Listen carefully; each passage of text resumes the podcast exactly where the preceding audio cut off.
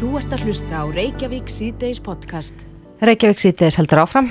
Það er einn eh, svona fylgifiskur COVID að eh, fólk, eða margir, er búin að vera mjög duglega að reyfa sig úti við. Mm, fólk hefur verið sendt ánga svolítið. Já, kannski aðeins neyðin kennir okkur að spinna á allt þetta. Hvað hva til þess einfallega að fólk reyfi sig út, úti við og fari í fjallgöngur og slíkt? Já, en nú er búið að vera ískallt. Mm -hmm. Það er búið að vera mikið frost og, og, og þetta er erfiðara að já, fóta sig í fjallgöngum já. þegar að veðrið er svona. Mm -hmm. En við veitum það að Esjan er einn vinsilasta göngulegin hérna á höfuborgarsvæðin og það er ekki bara einn göngulegil, það eru margar göngulegir innan sko á Esju. Og, svona misbrattar og hættulegur. Já, og í gær var þyrla landhelgiskeslunar kölluð út að tveimur mismunandi stöðum í Esju, mm -hmm. bæði á Kérhólakampi og svo Móskarsnúkum uh, vegna slasarar, uh, já, slasar fólks já. sem að lendi einhverju hremmingum aðna og ég sá nú einhverju umröðum um þetta á, á Facebook hóp þar sem ég er uh, meðlumur mm -hmm. og verið að tala um að það er bara alls ekki hægt að fara í svona göngur, í svona færi án þess að vera með rétt að búna þeim. En nú þekkjum við svo sem ekki þessi tilfelli hvort að þarna var um vant göngufólk að ræða en það er vantarlega sko fólk með allskins reynslu og kannski enga reynslu sem er að leggja í þessi fjöll. Mm -hmm. Á línun er Jónas Guðmundsson hjá Sleisavarnar félaginu Landsbjörg. Kom til sæl. Já, komið sæl. Já, við kannski þurfum ekkert að ræða þessi, sérst, þessi tilfellin eitt sérstaklega en, en, en er tilfinningin ykkar svo að fólk sé einfall ekki nógu vel útbúið þegar það fer í slíkar göngur? Já, það kemur alltaf fyrir og, og það er náttúrulega þannig núna að það eru erfiðar aðstæður vegna þess að það er hlána mikið og svo fristi snögglega aftur sem týðir það eru klakabungar og, og, bara ís mjög víða á harfenni Sér fólk fyrir ekki, Jónas, sem er að fara í fjallgöngu, sér það, fær það þessar upplýsingar? Nei, það sér það kannski ekki víða en, en maður átta sig á því mjög fljóðlega. Ég var sjálfur að lappa lögadaginn og lappin í básum hjá Þorsmörk og, og ég snýri við og, og eftir hvað 200 metra vegna þess að aðstæður voru bara þannig að það var, það var ís mjög víða og ég var ekki náður útbúinn í það. Mm -hmm. En er það oft þannig að, að, að fólk kannski bara vill ekki snúa við? Það er búið ákveða sér að fara upp á topp og ætlar að þrauka? Já, þetta getur það vel verið, en það, það sem kannski við verðum að horfa svolítið á er, er útbúnaður eins og því myndust á og þessi svo kallar esjubrottar, hálkubrottar, hlaupabrottar, keðjubrottar, hvað sem þetta kallað, eru mjög mikið notaðir, en þeir eiga ekki við nema á ákveðnum stöðum og svæðum. E, þeir eru gefnið upp fyrir ákveðin halla sem að kannski getur við úlvarsfell, kannski stýður hann upp að stein í esjunni. En það er mjög tæft að þeir eigi við á móskjafsnjúkum og brattari köplum uh, í esinu til dæmis. Þannig að mm. esin er bara alveg fjall. Og þá þarftu bara sérstaklega þessum aðstæðu núna sem eru bara erfiðar þá þarftu að vera með annan búna og réttan búna En þyrtu þessar upplýsingar að litja ykkur staðar eh, frammi þannig að þeir sem eru kannski, já eins og ég nefndi hérna á að menn eru með mismikla reynslu af fjallgöngum Þannig að fólk bara getur séð hvort að eigi að fara þessa leið eða eitthvað aðra? Jú, vissulega væri það og það eru mörg löndi kringum okkur, til dæmis Kanada er með svo kallar terrain rating, þannig að þeir gefa bara út, heldur svæðið er svona núna og núna. En, en það snýst auðvitað um pening og mannskap til þess að sinna því. Mm -hmm. Við reynum að gera þetta í gegnum seiftrafi verkefni okkar einhver leiti en en getum þetta aldrei gert það allstafar. Fólk verður að taka ábyrða á sér og sinni útivist og, og það, er ekki, það er ekki erfitt að sjá þetta í þessum aðstæðan að, að þú átt ekki að vera á þessum stöðum en að bara útbúin vel. Förum að sé við búnaði sem að fólk þarf að hafa ef, að, ef að það er hálka? Já, það er náttúrulega þannig að maður bara er á góðu gunguskóm og gunguskótin hafa ákveði grip. Svo kemur maður að eh, einhverjum ís og eitthvað þess að þar og þá er, eru margir með þess að hálkubrottið eða esjubrotta og þeir geta dögað ákveðið en eins og við tekjum öll sem við lappa á fjöld þá er bara allt annað að lappa upp heldur niður. Mm -hmm. og brottanir halda miklu verfið á leiðin niður heldur með leiðin upp. Tungin rennur bara fram í brottana. Mm -hmm. þannig að maður á að vera með ísexi þegar maður er komin á staði eins og móskastnjúka jafnvel kerhólakamp, kistufell, hátind á þessa stað og eskinu sem eru svo vinsalir. Þá má bara verið í alvöru gungu sko, maður á að vera með ísöksi og svo á maður bara vera með alvöru brotta. Þannig leið og fyrstu bara klaka bunkandi fara að koma, leið og fyrstu harfinni kemur, Það er maður komið ísöks í hendina og maður setur bara brottan á skónu það eru bara brottar sem að totla á skónum bara í hvaða aðstæðan sem er má segja. Eru flest slísin eiga þessi stað þegar fólk er á leiðinni nýður, veistu það? Ég hef nú ekki tölfræð um það en þau eru með svo stið ansi mörg. Það er auðveldar að lappa á fjall, þetta eru niður fjall í flestum tilvægum.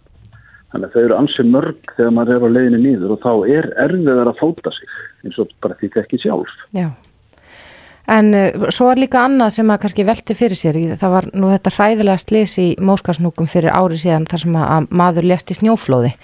Um, er, er einföld leið fyrir já, fólk sem er kannski ekki mjög vant að, að kynna sér það hvort það sé hætta á slíku? Það er einn og semst viðstofan er með tilrönaverkefni gangi sem er með snjóflóða mat á suðvestu hopninu sem segir auðvitað til eitthvað um snjóflóða aðstæður og þetta er líka gert á, norðanvennu vestfjörðum og austfjörðum og tröllaska en, en óskandi væri auðvitað viðstofan fengi meira fétið þess að gera þetta betur og kannski samdræðilega máta og gestir í Kanada og Bandaríkjónum og, og víðar. Mm. Er það þín tilfinning að trafík á þessi fjöll hafi auki smítið svona í tjálfar COVID? Bara alveg bara helling. Og það er það sem auðvitað allir er að mælast til að við segjum okkur förum út af hefum okkur, við höfum ekki líkansvæstin og við höfum ekki þetta og hitt. Og öllu jöfn er það bara jákvægt og það er bara það sem allir vilja sjá, við viljum nota útvistin og við viljum nota náttúrun okkar. En, en ég hef svo sem enga tölfræði hvort að slís hafa aukist, ég held verðst að móti hafa þau nú ekki aukist sem betur fyrir Nei, já við hvetjum alla til þess að vera vel útbúin þegar maður fer í fjallgöngur í svona færi Jónas. Já, þessar þessi aðstæður eru bara, eru bara alltaf því hættulegar á esinu núna sem er bara alvöru fjall á vetum. Já, Jónas Guðmundsson hjá Slísaverðnafélaginu Landsbjörg, kærar þakki fyrir þetta. Semlega takk. Þú ert að hlusta á Reykjavík C-Days podcast. Reykjavík C-Days heldur áfram. Það kom fram í fréttum helgarnar að konum verður ekki lengur bóðið í skemun fyrir brjóstakrappamenni við færtugt eins og mm þetta hefur verið en uh, nú verður búið upp á fyrstur skimun við 50. Já, þetta gerir sig kjálfa þess að, að ríkið tekur við þessum stíminum. Já, þetta er að færast inn á heilsugjastlutnar að einhver leita eins og við hefum líka hirt með sko leghálskrappa með skimanur og annað slikt mm -hmm. en ég rakst á ansi svona sláandi frásögn á Facebook í gær og það var frá henni Hrönd Þórsdóttur fjölmiðla konu og hún er á línni, kom til sæl. Hæ, hæ. Segð okkur aðeins að vinni haldi þessara fæslu, þú ert að tala um þig og, og vinkonu hópin. Já, ég, ég bara opnaði þarna á, ég bara var svolítið svona kannski slegin að sjá hvað fælst í þessum breytingum, maður vissi að staði til að breyta en ég hafði ekki sett mig vel inn í þetta, mm -hmm. svo, svo sé ég hverja verið að breyta og, og, og svona, já þetta kemur við mann, nú, nú til er ég hérna átt að hvenna vinnahópi og Við erum sjö eftir á lífi, við erum allar um færtugt. Mm -hmm. E Einn sem sagt lest núna 2019 á úrkrabbamenni sem hóst í brjóstum. Og svo er önnur úr hóknum sem að, að þurfti núna að nota síðastlega ári í að erjast við sama súkdóm, krabbamenni brjóstum. Þannig að þetta hekkur og... svolítið nálagtir? Já, það gerir það, en, en það er síðan svo ekkert einstæmi. Ég hef verið heppin að þetta er til dæmis ekki uh, algengt í kringum mig í mínum nánust, í, nánustu fjölskylda eða slikt, en þannig að ég held bara að flestar konur og fólk hefur höfuð, það eiga eiginlega allir einhverju svona sögu. Þetta er bara það algengir súkdómar og þess vegna finnst mér mjög skrítið að eiga að draga úr þessar þjónustu og ég hef ekki séð neinn rauk fyrir því að sko, akkur þetta er gert eða, eða akkur þetta á að vera gott. Nei, við ætlum að heyra hér á eftir í, í frangvátastjóra kraft sem þau hafa líka vakið aðteklu á þessu að, að, að það séu að árlega greinist 31 kona á aldurum 40-49 ára með brjóstakrappaminn þannig að þetta virðist skjóta skakku við. Já, þetta er hansi stór hópur og þá er ekki einu sem verið að tala um sko allar sem eru yngri því það er náttúrulega líka, ég þekk ekki tölunar en það eru líka heilmarkar ennþá yngri þannig að maður hefði kannski frekar vilja sjá breytingu í þá átt að yngri fengi að koma. Mm -hmm. Mm. Finnst þetta að koma illa við eh, vinkonu hópin? Já og bara konur alltaf er í kringum í ég gríðarlega viðbröði þessari fæsla á Facebook og bara svona heyra að fólk er hissa og svolítið reitt yfir þessu og skilur ekki alveg afhverju þá að minka þjónustu. Nú hefur verið gaggrind ofta að hefur vantað kannski betra utanumhald utanum hópkrafminn sjúkra á Íslandi og, og þarna verðist bara vera einhvers afturfyrir gangi sem enginn skilur Nei, og bara fólk hefur af þessu. Já Hrund Þóstóttir, eh, fjölmjölakona, kæra þakki fyrir að deila þessu með okkur. Já, takk fyrir mig. En þá snúum við okkur að krabbaminsfélaginu sem að var með þessa þjónustu? Já, bæði skimanir í brjóstum og leghálsi voru færðar frá leitastöðu krabbaminsfélagsins til ofinbæra stofnuna núna á nýju ári. Mm -hmm. Á línunni er Halla Þorvaldstóttir, frangværtastjóri krabbaminsfélagsins, kom til sæl. Sælverði. Já, er þetta sorglega tíðindi svona í ykkar eiru? Það er út af fyrir sig ekki sorgleg tíðindi að skimunum sé að færast. Það eru þetta bara ákvörðin sem að eh, ráður að tók í, í mars 2019 mm -hmm. og, og eh, ekkert, ekkert uh, óæðilegt við það. Það, er, hérna, það verða svo miklar breytingar á ímsu í, í, í gegnum tíðinu að það er út af fyrir sig, er fyrir sig ekki sorgleg tíðindi, það er bara breyting. Já. En... en, en það eru auðvitað verið að, að breyta á sama tíma ímsu í sambandi við skimunina og eins og ég held að hafa nú komið fram í máli mínu einhver staðar að þá er sund af þeim breytingum er til bóta. Eins og hvað? Já, til dæmis það að það sé verið að e, stækka e, aldurspilið í brjóstaskimuninu þannig að það er e, konum á aldrinu 70-74 ára er núna óðinskimun fyrir brjóstakrappaminnum, það er mjög jákvægt. Mm -hmm. Það er mjög jákvægt líka að leghálskimunin e, er að verða næstum því gjaldfrjáls. Það er hlutur sem að krabbminsfélagið hefur lagt mikla áherslu í langan tíma að þurfa að breyta til þess að e, auka möguleika allra hópa á að taka þátt. Mm -hmm. En það er verið að hins vegar líka að lengja sko áður fyrir það var, var, var, þetta, var þessi skimin á þryggjára fresti og verður nú á fimm ára fresti? Já, já.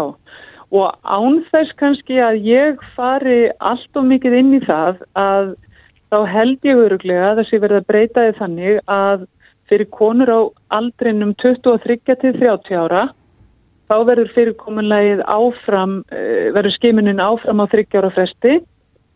Á bylinu 30 til 65 ára verður hún hins vegar á 5 ára fresti en það er fyrst og fremst af því að það er verið að breyta þessum aðferð í rannsóknunum. Mm -hmm. Að en... þá fara svo kallega veirumælingar fram fyrst og svo frumrannsóknir og þá sínir sagt, eh, sína rannsóknir að, að þá er óhægt að lengja bylið þannig á milli. Já, en nú er verið að, eh, já, konum er ekki bóðið í fyrstu skimun fyrir en það eru 50 ára í stað 40 ára og það hafa margi bent á það að mögulega sé þetta þróun í öfu átt við það sem ætti að gera. Já, þetta er náttúrulega gríðarlega mikil breyting. Hér á landi hefur það verið þannig að konum hefur verið bóðið í brjóstaskemannir eh, um færtugt. Mhm. Mm og það segir sig sjálft að þegar það er verið að gera svona breytingar þá náttúrulega hljóta þær að þurfa að byggja á bestu þekkingu. Og ég held svo sem að við þurfum kannski ekkit endilega að hafa evasendir um að, að hún liggi þarna einhver stað til grundvallar. En það sem hins vegar hefur ekki verið gert það er að upplýsa konur í landinu um annars vegar ákverðunina og hins vegar af hverju er verið að gera þetta. Hvaða rauk eru fyrir því að færa hlutina í þetta, uh, þetta form? Mm -hmm. Það vantar. Ef við strykum aðeins undir, Halla, uh, er þessa breytingar til góðs eða til íls? Á þínum að til? Ég held að það sé ekki hægt að e, nálgast máli þannig. Við, hérna, e, við höfum skorið okkur úr e, meðal, meðal nákvæmna þjóðana. Ísland og Svíþjóð er ein, eru einu löndin sem hafa skimað frá 40, einlöndin skima frá 50 og það eru ótal, ótal þættir sem spila inn í þetta. Það þessa ákverðin. En við heyrum upp hjá konum sem er á þessu yngra aldurspili, þarna upp á færtugu, sem, að, sem að eru uppgandi yfir þessu. Já, það er fullkomlega eðlegt. Það er hérna, það vantar allan raukstuðning fyrir þessari breytingu. Konur upplifa það auðvitað bara þannig að þær séu ekki lengur að fá þjónustu sem að hefur þótt uh, sjálfsögð hinga til og það verður heilbriðis yfirvöld verða að lýsa því fyrir konum af hverju það er óhægt í raun og veru að breyta þessu svona. Já. Það vantar mikið upp á það samtal. Mhm. En, og sko, e, það sem að vantar svo líka verulega upp á og gætu þetta breytt þessari mynd að einhverju leiti, það er að konur á öllum aldri hafi greiðan aðgang að brjóstaskoðunum þegar þeir eru með einkenni frá brjóstum. Að því að skimun er auðvitað skoðun á heilbreyðum konum þar sem þarf að skoða rosalega margar konur til þess að finna fá megin. Það er aðferðin sem er notuð. Mhm. Og, og, og sem sagt allar ákvarðanir í sambandi við hópin og millibilið og, og, og á milliskoðana og allt það, það fer eftir sagt bara því sem rannsóknir segja á hverjum tíma og það er alltaf einhver reyfing á því árangurinn fer svo eftir auðvitað, þessu plani en líka hversu mikil þáttaka hvenna er.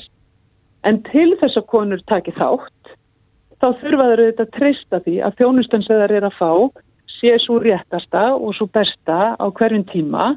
En þar fyrir utan þá þurfa þeir líka að hafa aðgengi að greitt aðgengi að þjónustu ef þær finna fyrir einkennum utan skimunar. Af því að skimun eins og ég segi, hún er ekki til þess að skoða einkenni frá brjóstum heldur heilbrið brjóst. Já.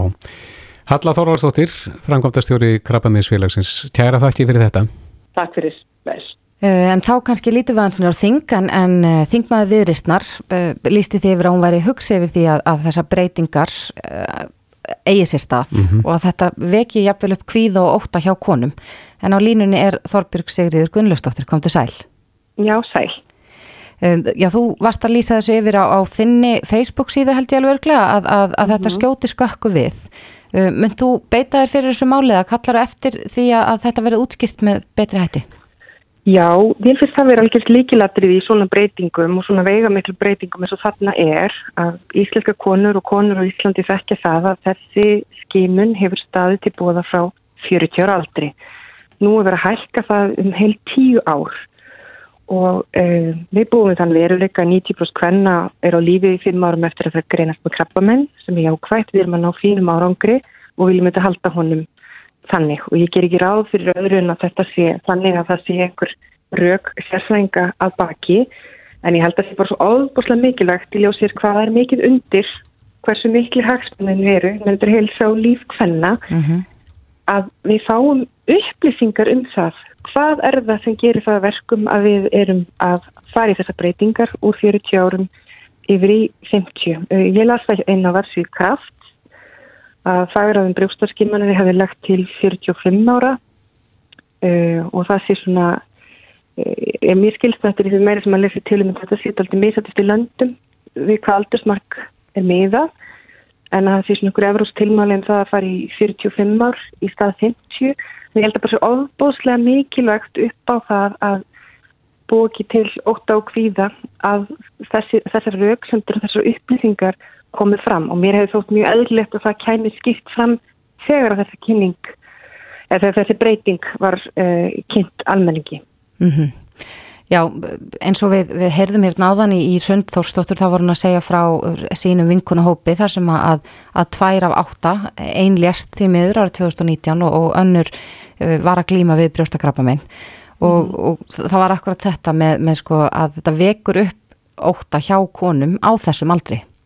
Já, ég meina auðvitað gerir það, auðvitað gerir það það og þetta er auðvitað eitthvað sem aður almenningur þekkir og kannski auðvitað sérstaklega konur sem hafa verið í þessum spórum og ég sá það líka þetta því kringum 30-35 konur á hverju ári sem er að greinast uh, samt, undir 50 ára aldursmarkinu og því til viðbútar þá einhverja sem er að greinast fyrir færstugt og ég get bara svo vel skilið það að svona breyting fyrirlagi þegar auksindina fylgir ekki með uh, framkall þessi viðbröð.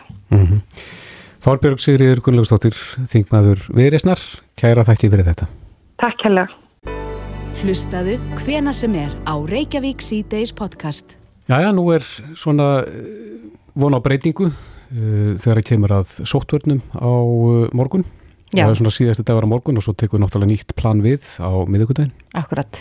Helbriðsra á þeirra ákvaða, hefur ákveðið að skilda þá farþega sem að neyta að fara í skimun við landamærin að fara í 14. sótkví í farsóttar húsi. Já. og þetta er eh, aðeins á skjön við það sem að Þórlu Guðnarsson lagði til mm -hmm. En þetta er unir það sem hann kallaði á sín tíma þegar hann lagði þetta til eh, neyðarúrreði en eh, það kom fram í kvöldrættum stöðvar tvönunum helgina að það hefur verið mikil fjölgun mm -hmm. í farsóttarhúsunum.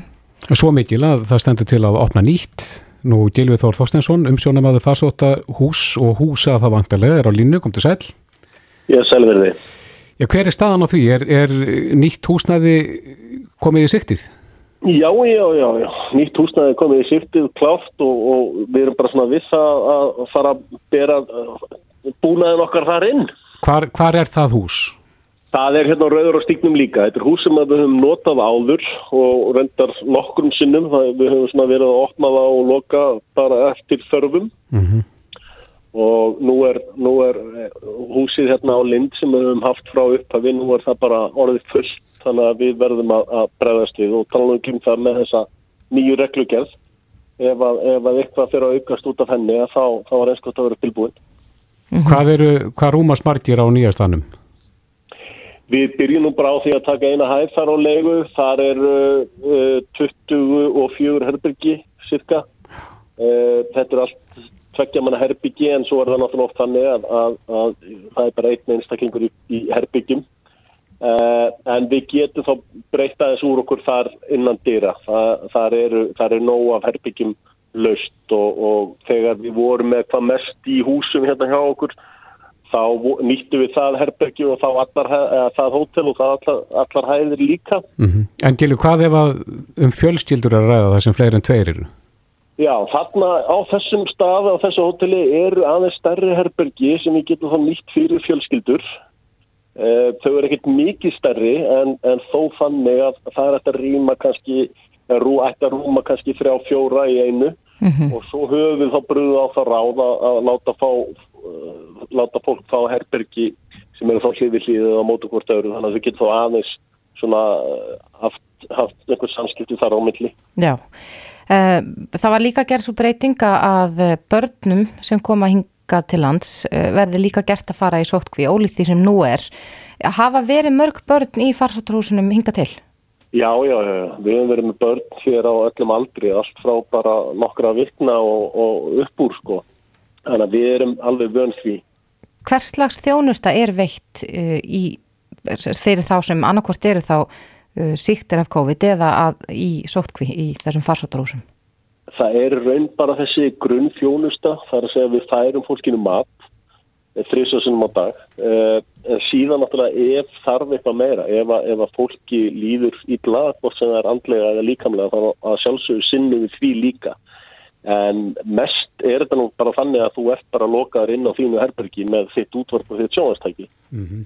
Eh, þannig að þetta ennum kannski ekki svo leið sem að margir eiga eftir að velja þegar þeir eru komað til landsins.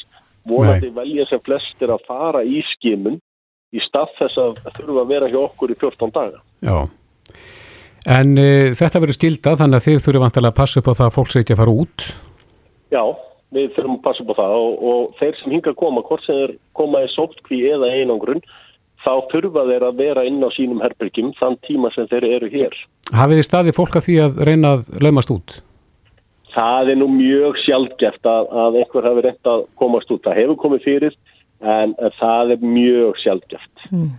En breytist ykkar verkla eitthvað með þessum nýju reglum núna þegar þetta er orðin eh, já, skilda fyrir þá sem að vilja ekki fara í skeiminuna?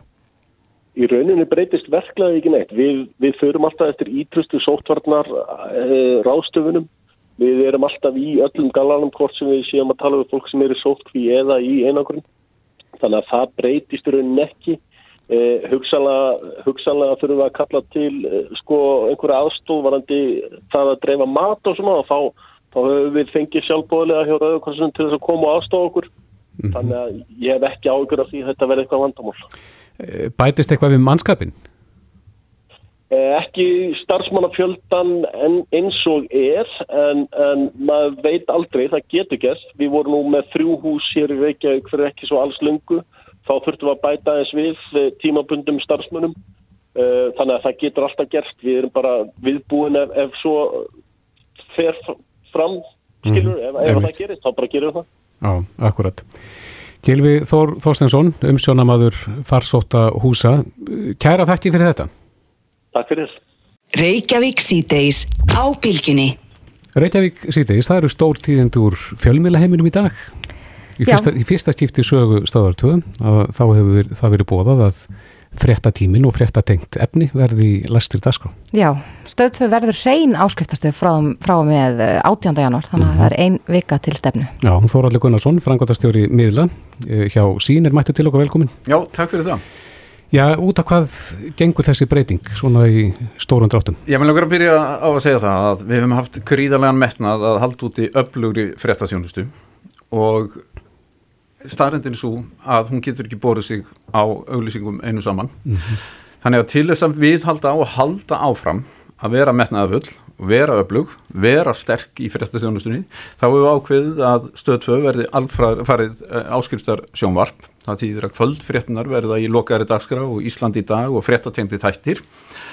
En að samaskapi höldum við út í öflugri fyrirstastjónustu á vísi og bylginu eins og við hefum gert áður. Mm -hmm og við höfum, eh, ég skal bara segja það að, að við höfum mikla trú á þessu vegna þess að, að þú hefur valum tvent, þú hefur valum að skerða þjónustunas uh, og fretta þjónustuna eða þú hefur valum að sækja fram og fyrir mér er þetta bara klár sóknar aðgerð, ég, ég hef mikla trú á þessu vegna þess að, að frettistöða 2 hafi verið bara mikið vægu partur af, af samfélaginu og ég veit að, að fólk vill áfram njóta þeirra þjónustu sem við hefum bóðið upp á mm -hmm. og við erum að gera fleiri breytingar við erum að, að e, breyta stöð 2 marathón efnisveitin okkar sem mm -hmm. hefur verið með gríðarlega fjölbyrgt efni sem við hefum alltaf verið að bæta við og auka frumsýningar í að hún heitir núna stöð 2 plus og saman þessar tvær vörur þá getur við fengið þær á 7990 sem sagt fréttir, fréttatengt efni, allt innlenda efnið á stöðtfu, erlenda efnið, allt efnið í efnisveitunni, eldra efnið og e, nýja efnið á þessu verði. Mm -hmm. Ég veit að svimir hafa líka í gegnum tíðin að spurt sig að því sko af hverju er verið að gefa dýrasta framlegslega efnið? Já, já, og það er bara mjög eðlileg spurning og við höfum svo sem staði frammi fyrir þessu í, í, í langa tíma og, og velt þessu fyrir okkur. E, þegar hins vegar auðlýsingatekjur eru fallandi og, og bara mingandi hreinlega, þá uh, er í rauninni ekkit annað í stöðunni ef þú vilt halda þessu úti af metnaði og við erum metnaðafull en við trúum því að samanskapi að við fáum áskrifundur með okkur í lið. Þannig að við getum haldið úti þessari, þessum, hérna, þessari öflugu fréttastofi mm -hmm. Þegar hafið fengið einhverja gaggrinni, það var við því að búast að, að netmiðlar loga að, að einhver leiti um, að þetta sé ekki takt við tíman að, að krefja áskrifundur um, um greiðslu þegar að það er mjög mikið úrval af, af efnisveitum, bæði innlendum og erlendum. Mm -hmm.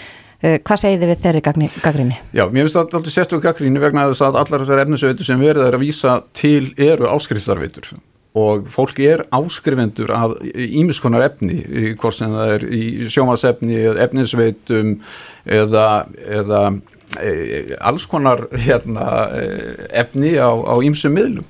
Þannig að það er ekkit óeðlilegt að, að við veljum þessa leið -hmm. vegna þess að ef, þú, ef við gerum það ekki hvað gerum við þá?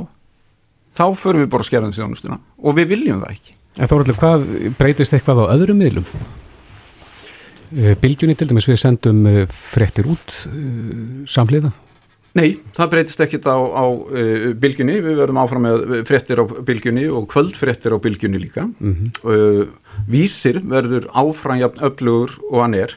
Og mér langar að þess að fara bara yfir uh, hvernig miðlarnar okkar hafa þróast. Mm -hmm. vísir í dag öflugast í vefmiðl landsins, langvinnsælast í vefmiðl landsins með, alveg, við hefum aukið frettatjónustunar gríðarlega mikið. Bylgjan mælis núna vinsælasta útvarstöð landsins og það er samkvæmt nýjustu mælingum.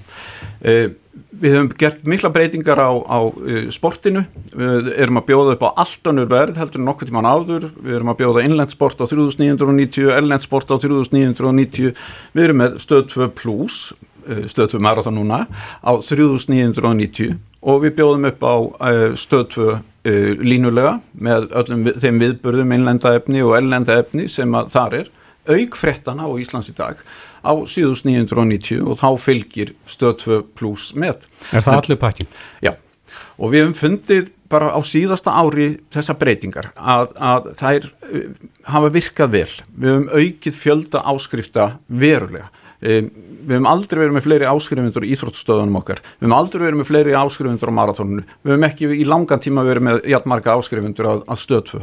Þannig að við erum í mikill í sókn en auglýsingatekjunar þær hafa eins og allir fjölmjölegur að finna fyrir, þær hafa lækkað mm -hmm. en við bregðumst við með þessum hætti einfallega vegna þess að við viljum ekki skerða þjónustuna við, við viljum vera áfram með metnaða fulla öfluga fjölmila. Mm -hmm.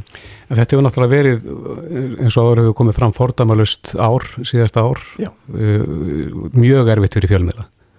Já og sérstaklega á auðlískamarkaði en á móti kemur að þú breytir þjónustunni, þú lagar þig að aðstæðum og það höfum við gert, við höfum verið að, að breyta þáttakerðin okkar og við höfum aldrei bóðið upp á játn mikið af innlendum þáttum, við vorum með 48 eh, innlenda þætti og, og, og þáttaraðir og viðburði á síðasta ári og við ætlum að sækja fram í því.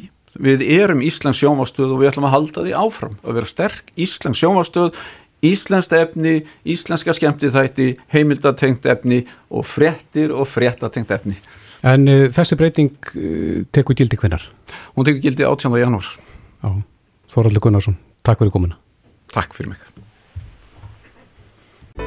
Þetta er Reykjavík C-Days podcast. Jæja, Reykjavík C-Days, við ætlum aðeins að kíkja á uh, Darskárstöða 2. Já, í kvöld hefst þáttur sem ég er eiginlega búin að býða frekar spennt eftir og þetta heitir Kjötætur Óskast. Mm -hmm vegan með lópind og þetta er fjórar fjölskyldur sem að fóru í heilsufarsrannsókn og, og verða sem vegan í eitt mánu og svo er eh, skoðið staðan á þeim Já. aftur eftir þennan mánu Nú Lóapind er mætt og hléttis Sveinstóttir með henni, ein af þessum úr þessum fjórum fjölskyldum. Segðu það, fórnalam Þetta er mínu tilvægum dýrum. Já, hvernig gekk svona, við byrjum á því? Hver á svara? Er þessi, þessi bendi mín að lóu eða? Uh, þetta gekk, uh, sko, ef ég tala fyrir sjálf um mig, Já. þá gekk þetta upp og ofan, uh, mér fannst þetta erfitt ég Já, þú tókst þátt í þessu með þinn Já, ég tók mm -hmm. þátt og hérna, ég er sjálf erki kjöt þetta elska kjöt, þegar svona aðeins fór að líða á þetta þá um, sko, ég, ég fór að sjá svona sínir, eða þú veist, það fór að ég fór að láta mig dreyma um svona kjöttræði mm -hmm. mér sár vantaði kjött orku Dreymdi þið kjött? Já, mér var að fara að dreyma kjött en já, mér fannst þetta erfitt mm -hmm. þó ekki eins erfitt og ég átti vona á Ég held þetta er því meira mál. Ætlitís. Já, þú veist, að matur er náttúrulega bara næring og þetta er góðu veganmatur mm -hmm. og þetta er vondu veganmatur og það er til góður óveganmatur og vondu veganmatur. Þetta er ekki svart og hvít, svona, mér stótt svona fólk að tekna þetta upp eins og þetta sé bara alveg klift og skórið þannig á milli, sko. Eh, jú, það kom mér óvart hvað ég saknaði til þess mjölkur fljótt. Ég held að ég væri ekki svona háð, bara venjulegar, þú veist, það var svona, þó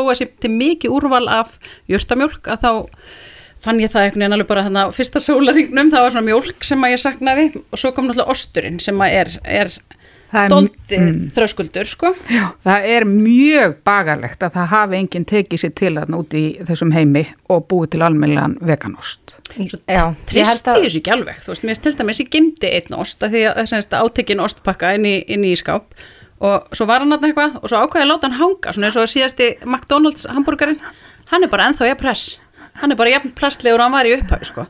kannski er þetta alltaf læg þú veist, ég menna þetta er ekki segja, vegan er ekki bara óholt, þú veist, það er þetta að fara báða leiðir en þegar maður ætlar að fara svona bratt í þetta og hefur ekki tíma til að vinna fór grunni og eitthvað, þá er maður að kaupa inn fullt af hlutin sem maður veit ekki hvað er endilega, maður hefur ekki tíma til að kynna sér nákvæmlega hvað er innihaldið. Mm -hmm. En þú ert með fjölskyldu og þið öll urðuð vegan í mánuð? Við öll, ég og, og, og tí ára dóttið mín. Já, já ok. En hvernig tók hún? Sko, ég á í vandraði með að koma grænmyndi og hann er mín börn bara sko á vennilegum degi. Já sko, hún er svo mikil grænmyndisætt. Hún er bara hérna rátt grænmyndi og hún er nefnilega alveg fyndin að allt svona tilbúni réttir og eitthvað svona fluffi fluff. Þú veist, maður er búin að vera hérna í tvo tíma að matriða eitthvað ægilegt hérna fyrir hana að þá vill hún bara, bara papriku, þú veist, bara, bara rátt grænmyndi. Var það minnamál fyrir hann heldur um fyrir þig? Já, þú veist, hún saknaði mjölkur og svona njæ, eða hvað ég segja, en hún er ósað vön að borða bara rátt grammiti. -hmm. en hérna sko ég á nú 16 ára Ullingsson sem að tók þátt í að því að fjölskylda mín tók líka þátt í þessu mm -hmm. og uh, hann, sonu minn hann hefur nú verið mjög íhaldsamur á mataræði og uh, hann til dæmis hafði valla borða annagræmmiti en rauða papriku og gúrku frá því hann byrjaði á fastri fæðu en ég verða að segja, það, það kom mér alveg gríðalega óvart hvað hann tók þessu vel. Hann var að vísu í næringaskorti nánast eins og ég og eins og maðurinn minn. Veist, þeir voru banhungraðir þeir tveir sérstaklega en eh, þeir gáttu settið doni sig og líka unlingurinn Þar maður að borða meira þegar maður er á þessu fæði ofta, já, meira. Já, maður þarf að borða meira og svo líka er bara erfiðar að finna eitthvað til þess að narta í. Mm -hmm. eins og ég náttúrulega var í tökum á þessu tímbljá meðan hérna tilröðin stóði yfir og það kom í vegasjópu ég var rosánað fyrst þegar ég kom í vegasjópu og fann hérna vegan vefju.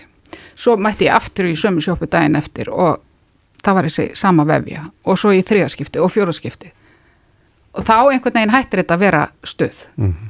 Það eina sem er í bóði nánast í vegasjópunum er einhver eintegunda vegan vefju og svo franska með tómatsósu mm -hmm. sem var það sem ég fekk mér alloft á þessum tímbili á rafbílnuðinum, því að þetta snýrist náttúrulega meira heldur en bara matinn sko. nákvæmlega, af því að við sko, rauðið þráðunni þessu er ekki heilsufarið heldur kolumnisporið Já, akkurat. Og hérna, meiningin var að reyna átt okkur á því hvort að við okkur tækist að minga kólefnissporið við það að henda út öllum dýraafurðum og fjölskyldunar voru svo kvartar til þess að stiga einhver fleiri skref til að minga sitt kólefnisspor. Hins vegar að því ég held að mjög margir hafi áhuga á veganfæði út af heilsufarinu að þá tóku við það inni líka. Mm -hmm. Þannig að það fóru allir í blóðpröfur og efnaskiptamælingu og heilsufarsmálingu fórum á eitthvað svona tæki sem að mælda alveg innri kviðfuttu og þingdvöfa og, og eitthvað í upphafi og svo aftur í lokin. Já þannig að þetta kemur allt í ljós í Í loka þættinum kemur fram hvaða áhrif veganfæði mm -hmm. hafði á, á hérna kroppin. Mm -hmm. En breytti þetta ykkar afstöðu eitthvað til vegan? Er þið orðnar vegan í dag? Ekki, ekki ég sko. Já, sko, nei, hérna, nei, nei. Mér fannst ég að verða harðar í þeirri afstöðu að borða úr nær umhverfi. Ég hef náttúrulega verið þar, ég er alveg upp í sveit og, og fæ kjött, lambakjött þaðan, ég fæ líka fisk beint úr bát og er bara með fristiskáp heima og, og gett svo oft, ég er náttúrulega í algjör forréttinda pjessið með það.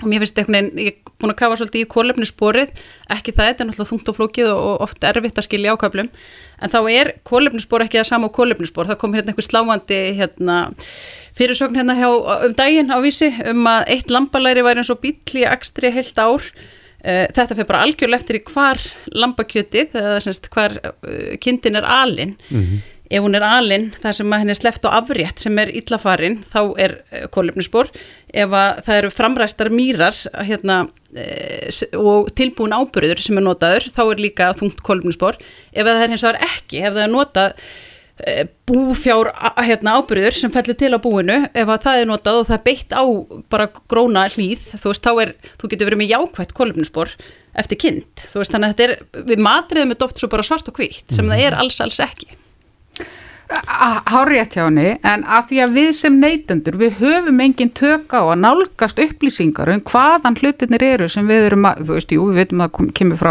Asíu eða utan Evropasambandsins eða innan eða Íslands, mm -hmm. en við höfum ekki neinn tól til þess að meta ofan í okkur hversu þungt kólefnisspori er á því sem við erum að borða nema í þessum stóru grófi línum mm -hmm. sem er að við vitum einmitt að lambakjött og nautakjött hefur langt um þingra kólöfnisspori heldur um græmitisfæði en það er samt verulegu munur þarna á að því þetta snýst ekkit um að verða háheilagu vegan og einhvern veginn sneiða hjá öllu og bara þú veist geta aldrei smurt bröðu sitt með smjöri snýst ekkit um það heldur bara svona smám saman að fara að skinja það að uh, það er ekki, ekkert mál að borða fisk til dæmis fiskur hefur bara fyrir eitthvað lítið kólumnisspor og álíka lítið og tofu mm -hmm. svo dæmis í tekið kjúklingur hefur bara tiltölulátt kólumnisspor líka en svona, svo, svo þegar við förum upp keðjuna og þær tróna nú efstar hérna, þessar tvær skeppnur nöytið og lampið því miður mm -hmm. en það er alveg rétt að það er, það er mjög misjæmt eftir hvernig aðstæðunar eru það bara skiptir öllu máli.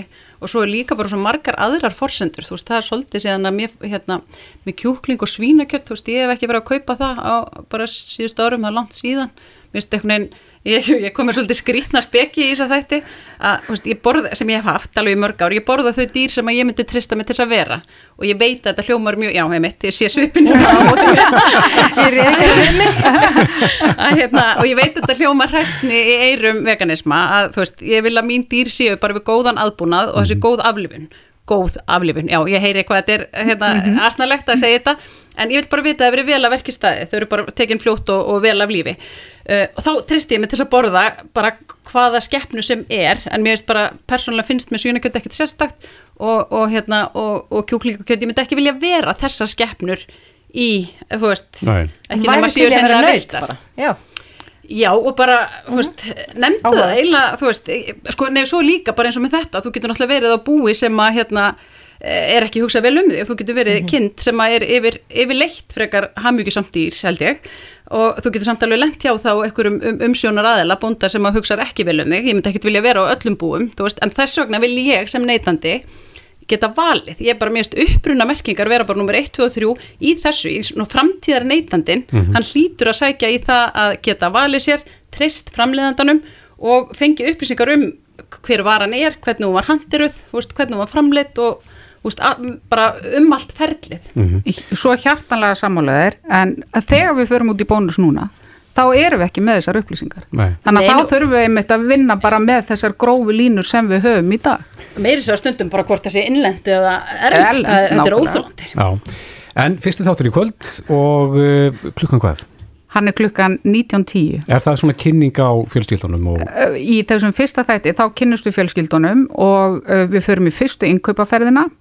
Við reynsum út úr ískapunum allar dýraafurðir og kemur nú í ljós hvaða mikið af dýraafurðum í ískapnum hjá mhm. okkur mm -hmm. og svo fylgist ég með því allir læsi inni það sem út af stendur mm -hmm. það er dýraafurð að því að við viljum heldur ekki stuðila matasón þannig að við mhm. hendum ekki matnum og svo gæðum við okkur á síðustu kjötmáltiðinni saman hópurinn. Þa, það var góð stund.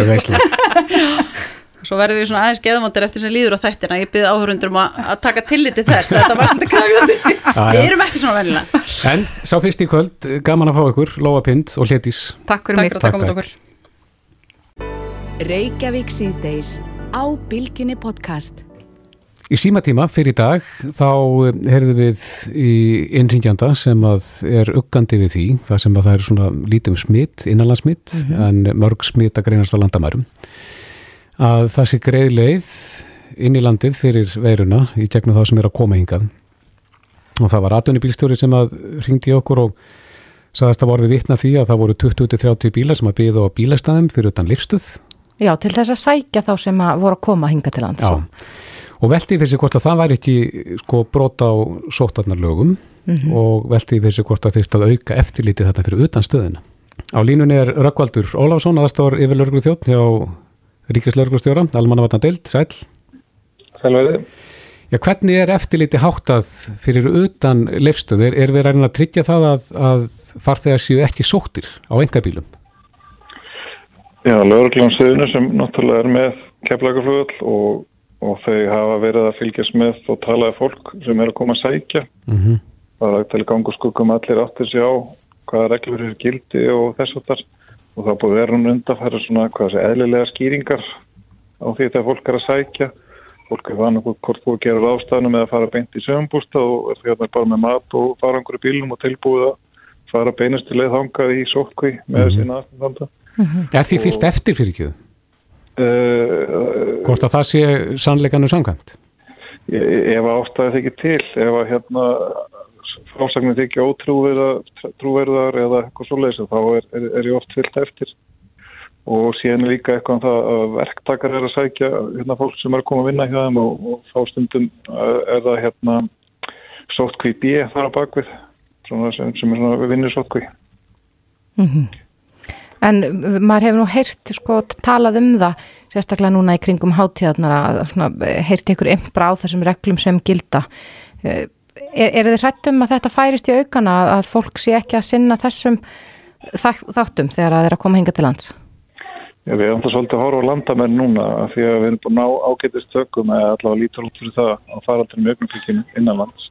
En það er svo sem lítur út á að bregða og meðan að hérna Eh, við erum að fá alltaf, fólk kemur inn og, og, og er þetta alltaf meðan að faraldun er í svona hérna, mikilvæg svo hérna við í kringum okkur að, að þá eru líka að sjá hæra hlut alltaf þeim sem er komað til landsins að, að við erum, erum með smít þannig að þetta er sjálfsög svona eitthvað sem við höfum á að gera og erum svona að gera ráðstafnis með það að til þess að tryggja það að, að smíti komist ekki inn og fara flög eh, þannig að þá leðina Einmitt. En nú breytast uh, þessar reglur uh, á miðugudaginn þar sem að fólk verður skikka þá í farsóttarhús ef það kýsa að fara ekki í þessa tvöföldu skímun. Uh, mun eftirlitið ykkar þá breytast eitthvað leiti? Það verður bara með sveipiðum hætti þannig að eins og segir þá, þá er í bóði þessi tvöfaldar skímun og þegar kemur landsins ástu skímar og fer svo í sótku með, með býður í fimm dag og fer við setni skímun. Náttúrulega lang, lang flestir velja þessa leið Eh, svo hefur eitthvað verið það að einhverja valið 14 dagar sótkví og það sem okkur finnist óþægilegt það og vitum við ekki hvað er í pakkanum ekki dólað þannig hvort að fólk er með veiruna eða ekki. Mm -hmm.